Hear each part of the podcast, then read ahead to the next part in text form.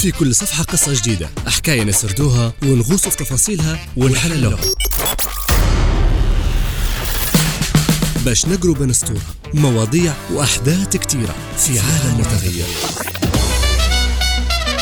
استمع وتصفح معنا في كل يوم مع ناس مجازين على ناس بودكاست.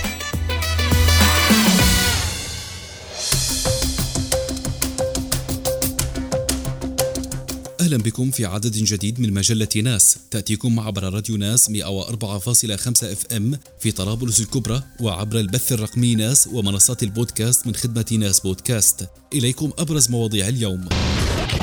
حرب روسيا على أوكرانيا التصعيد ولا شيء غيره فهل يتجاوز بوتين كل المحرمات؟ ماكرون أشعل حريقا سياسيا قد ينهي رئاسته قريبا.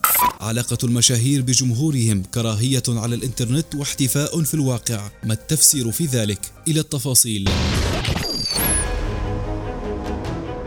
قالت مجلة لوبس الفرنسية أن الرئيس الروسي فلاديمير بوتين الذي اعتقد أنه سينتصر بالحرب في غضون أيام قليلة يرفض قبول فشل غزوه لأوكرانيا متسائلة. هل أصبحت حساباته الاستراتيجية الآن في مواجهة حرب تطول وتضعفه مبنية على التصعيد وحده لدرجة أنه قد يتجاوز المحرمات باستخدام السلاح النووي؟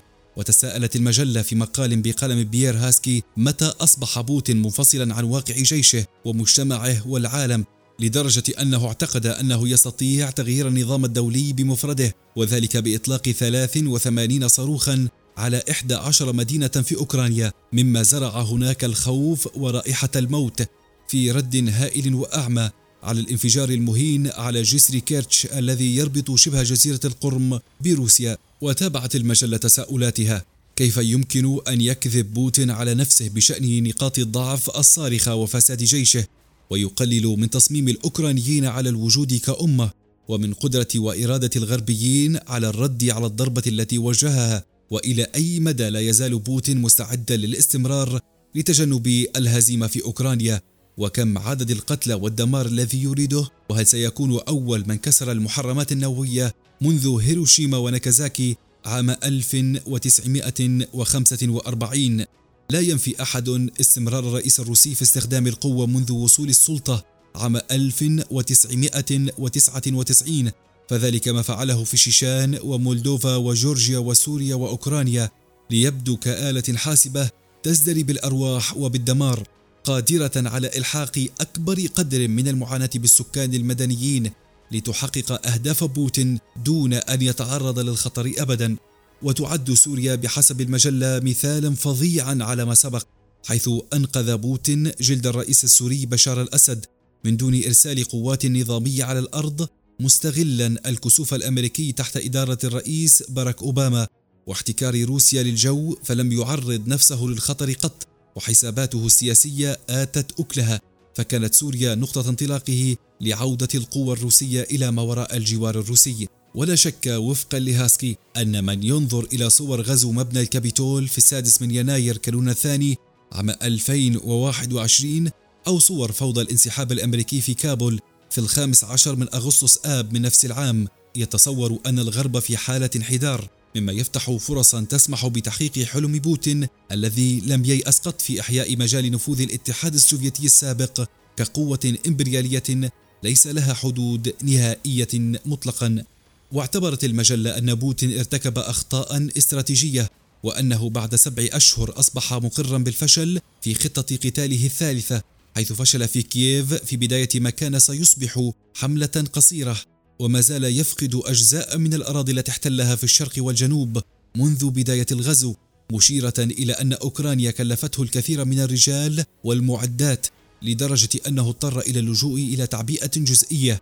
مما كشف عن الاضطراب الكبير في الرأي الروسي الذي عبر عنه هروب حوالي 700 ألف شاب في سن التجنيد والانشقاقات داخل النخبة الروسية الداعمة للعملية العسكرية الخاصة. إذا لم تنتهي الحرب وكل شيء يشير إلى أنها ستطول خاصة أن تراكم الإخفاقات المهنية يترك الرئيس الروسي في مواجهة خيارات محدودة ومحفوفة بالمخاطر على نحو متزايد لأنه قطع بعدم التخلي عن الأراضي التي احتلها وفقد بعضها ولأن الأوكرانيين لن يقبلوا بأي تفاوض بالتنازل عن جزء من أراضيهم وربما أيضا بسبب فقدانه الهيبة أمام حلفائه في الصين والهند ودول الاتحاد السوفيتي السابق.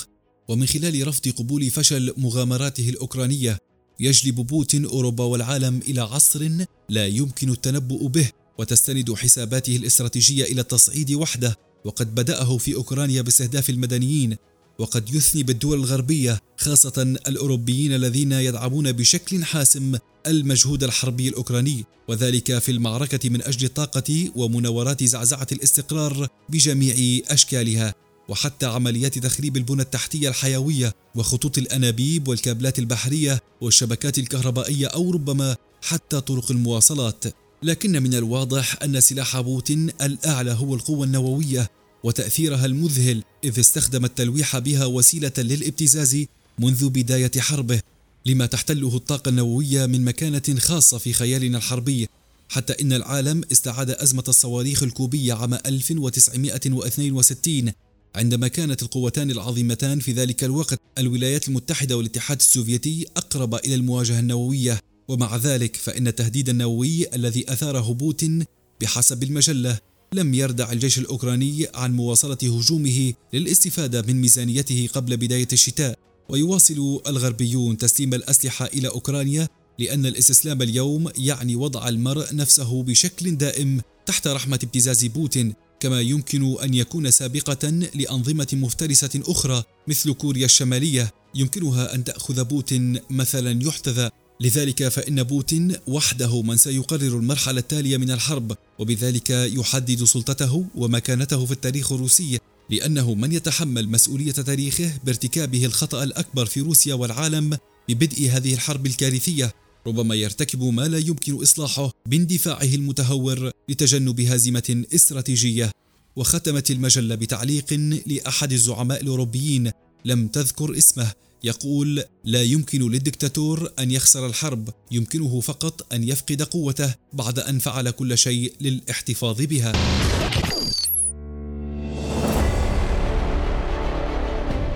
قالت المحللة السياسية الفرنسية آن إليزابيث موتيه في مقال لها بصحيفة تلغراف البريطانية إن الرئيس الفرنسي إيمانويل ماكرون أشعل حريقا سياسيا في البلاد قد ينهي رئاسته في وقت قريب وسط اشتعال الاضطرابات في كل أنحاء البلاد. وأضافت آن إليزابيث أن ماكرون اتخذ موقفا عسكريا صارما في مقابلة تلفزيونية مطولة تحدث فيها عن الأزمة الخانقة التي تضرب فرنسا في مجال الطاقة بعد إضراب النقابات المستمرة منذ أكثر من أسبوعين وقال ماكرون إنه ليس من دون الحكومة تدخل في محادثات رفع الرواتب داخل الشركات الخاصة لكن بالمقابل كشف عن إجراءات لإجبار عمال مصفاة إيسو إكسون عن فتح مستودعات النفط لأجل التخفيف من الأزمة الكبيرة في محطات الوقود في منطقة باريس تحديدا.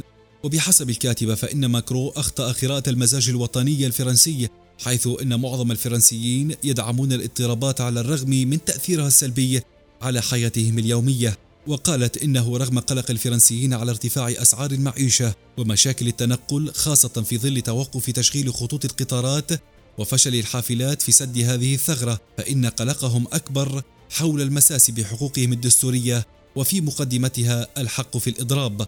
وتجتاح فرنسا موجة اضطرابات في قطاعات متعددة أبرزها قطاع الطاقة وتقول الكاتبة إن موجة الاضطرابات الحالية والتي ستستمر خلال الأيام المقبلة تأتي في وقت حرج بالنسبة للرئيس الفرنسي وحكومته حيث سيحاول تمرير ميزانية العام المقبل في برلمان لا يتمتع فيه بأغلبية مطلقة مريحة. وقد حذرت رئيسة الوزراء إليزابيث بأنها ستدافع عن مشروع قانون الميزانية بكل الوسائل. وإذا تعذرت المصادقة البرلمانية عليها فإنها ستستخدم إجراء دستوريا يتجاوز التصويت شريطة فوز حكومتها في تصويت بالثقة. وأكدت آن إليزابيث أن ماكرو قد يضطر للدعوة إلى انتخابات عامة جديدة بحال فشل تمرير مشروع ميزانية العام المقبل وقد لا تكون النتائج في الخط العام الذي يريده. ولأول مرة منذ بدء الاضطرابات نهاية الشهر الماضي وقعت مجموعة توتال إنرجيز اتفاقا حول الأجور مع نقابتين ودعت إلى إنهاء الإضراب لكن المواجهة بشأن الرواتب تمتد حاليا إلى قطاعات أخرى في فرنسا. ويؤثر هذا الإضراب على الاقتصاد مع تعطل العديد من القطاعات من سائقي الشاحنات إلى التمريض والحرفيين والمزارعين الذين يخشى بعضهم ألا يكون قادرا على زراعة الحبوب الشتوية كما أطلقت دعوات إلى تنظيم الإضراب العام الذي ترى الحكومة أنه يزيد الأوضاع تعقيدا.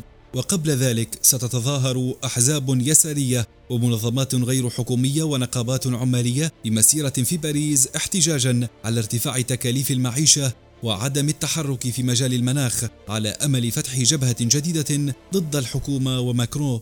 وقال كيغرو الباحث في مركز البحوث السياسية لوكالة الصحافة الفرنسية أن فرنسا تشهد غليانا حقيقيا بسبب غضب اجتماعي عميق الجذور.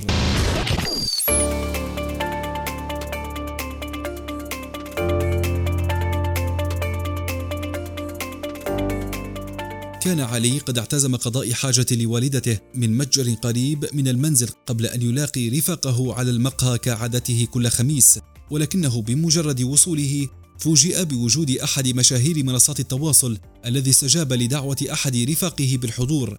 علي كان يمقته بشدة ويحتقر أفكاره وأسلوبه في التعبير عنها ويتعمد إهانته بطريقة مبطنة. يتفنن في ابتكارها لدرجة تثير إعجابه أحيانا ولطالما تخيل أن لقاءه به سيكون ملحميا حوار ساخن محتدم أشبه بالمعركة. يخرج منها منتصرا باكتساح ويذاع صيته على الإنترنت في الليلة التي سقط فيها خصمه الافتراضي الذي بالطبع سيضطر لتغيير اسمه والهجرة إلى نيبال. حسنا بما أننا نحكي لك تلك الحكاية فأنت تعلم طبعا أنه لا شيء من هذا قد حدث. في الواقع كانت النتيجة محبطة لدرجة أن علي تمنى لو لم يلاقيه ابدا. ليس لأنه خسر المعركة بل لأنه لم يخضها من الأصل. يعتقد عدد كبير من الباحثين في علم النفس أننا مهووسون بالمفاجآت لدرجة أنها تسيطر على أفكارنا في كثير من الأحيان وأن تلك المفاجآت غالبا ما تزيد من حده عواطفنا بأربع مرات تقريبا ولكن لم يكن هذا هو ما حدث هنا. صديقنا علي قد تجمد وتبخرت من رأسه كل العبارات اللاذعة التي أعدها لهذا الموقف وكررها في رأسه مرارا. بدءا من التحية الساخرة ومرورا بالحجج المنطقية القاطعة ونهاية بابتسامة الانتصار بعد أن يعجز خصمه عن الرد. الأسوأ أن أقصى ما خرج من صديقنا علي كان همهامات خجولة غير مفهومة قطعها ترحيب تقليدي من خصمه وكأنه واحد من العشرات الذين يلاقيهم كل يوم دون أن يعرفهم أو يتذكرهم. كانت تلك الهزيمة المبكرة شديدة القسوة. وما زاد طين بلة أن عليا لم يستطع مقاومة الرغبة في إخبار كل معارفه عن هذا اللقاء لاحقا وعلى وجهه ابتسامة عريضة كان يصارع لمحوها. تعتقد سارة لوست إحدى الكاتبات المتمرسات في شؤون الصحة النفسية والذهنية أن لقاءنا بأحد المشاهير غالبا ما يكون مدعاة للتفاخر أمام الآخرين حتى لو كان لقاء وجيزا بلا تواصل حقيقي لأن ندرة الحدث تحوله إلى ما يشبه رأس المال الاجتماعي. فيشعرنا بأننا مميزون وأننا من ضمن قلة منتقات حظيت بهذه الفرصة. حتى لو كانت الشخصية المشهورة كريهة أو مغضوبا عليها من الكثيرين أو محل جدل. طبعا هذا لا علاقة له بمشاعرنا الأصلية تجاه تلك الشخصية. لذلك لم يجد الباحثون وصفا أفضل لهذا الموقف من كراهية الحب أو حب الكراهية كما تقول الترجمة الحرفية من الإنجليزية love hate نحن نحب النجوم والمشاهير والأبطال منذ فجر التاريخ. لأنهم يشبعون احتياجنا إلى المرجعية الاجتماعية ولأنهم في الثقافة اللاتينية مثلا كانوا أشبه بحلقة وسطى بين البشر والآلهة. الفارق المهم هنا أننا نستطيع رؤيتهم ونسخ تصرفاتهم والانبهار بمعجزاتهم على عكس تلك الآلهة في الثقافة اللاتينية. من جانبهم يعتقد الأطباء في هارفارد بأن هذه الدرجة من الهوس التي تستحق وصفها بالعبادة من وجهة نظرهم مماثلة لادمان الكحول والمخدرات فعموما يتعرف المخ على الإدمان والمتعة بالطريقة ذاتها وحين نتواصل مع مشاهيرنا سواء أحببناهم أو كرهناهم يفوز الفص الأمامي من المخ بجرعة من الدوبامين الذي ينقل الإحساس بالمتعة وفي الوقت ذاته يحفز نشاط الذاكرة. هذا هو ما يقودنا لاحقا إلى السلوكيات القهرية سعيا نحو تكوين المزيد من الذكريات الممتعة مثل تفقد صفحاتهم على منصات التواصل الاجتماعي خوفا من أن يفوتنا أي تحديث أو مناقشتهم بتعليقات طويلة جادة. نعلم يقينا أن لا أحد سيقرأها سوى موظفو العلاقات العامة الذين يتولون إدارة حساباتهم تصرفات غير منطقية. لو فكرنا فيها لثوان لأحجمنا عنها ولكننا لا نستطيع رغم ذلك. إن كنت ما زلت تتساءل عن التعريف المختصر لكل ذلك فهو الإدمان ببساطة. المفارقة المهمة هنا أن موظفي العلاقات العامة الذين يتولون إدارة حسابات المشاهير يعلمون ما سبق. في الواقع الشركات المتخصصة تستخدم هذه الدراسات بوصفها مرجعية لأدائها على منصات التواصل، لذلك تلاحظ أن الكثير منهم ينظمون المسابقات ويختارون بعض الحسابات للحصول على هدايا معينة أو يشاركون بعض التعليقات المادحة دليلا على نجاحهم أو يحرصون على لقاء بضع معجبين كل فترة ونشر صور اللقاءات لأن مصلحتهم تقتضي أن يظل الأمل قائما في الأفق. الأمل في أن تكون أحد المحظوظين الذين اقتربوا من النجوم. في هذه الصورة عادة ما تلاحظ النظرة المتجمدة ذاتها على وجوه المحظوظين بلقاء النجم المشهور تلك النظرة التي توحي بأنهم قد مروا بالصدمة ذاتها التي مر بها صاحبنا علي في المقهى فنسوا كل ما استعدوا لقوله وفعله في هذه المناسبة. هذه الصدمة تنشأ في حقيقة بسيطة للغاية حقيقة أننا نتفاجأ عند ملاقاه النجوم والمشاهير. حتى لو كان لقاء معدا مسبقا لأن المواجهة غالبا ما تكون محبطة جدا أو مثيرة جدا لا وسط في الأمر.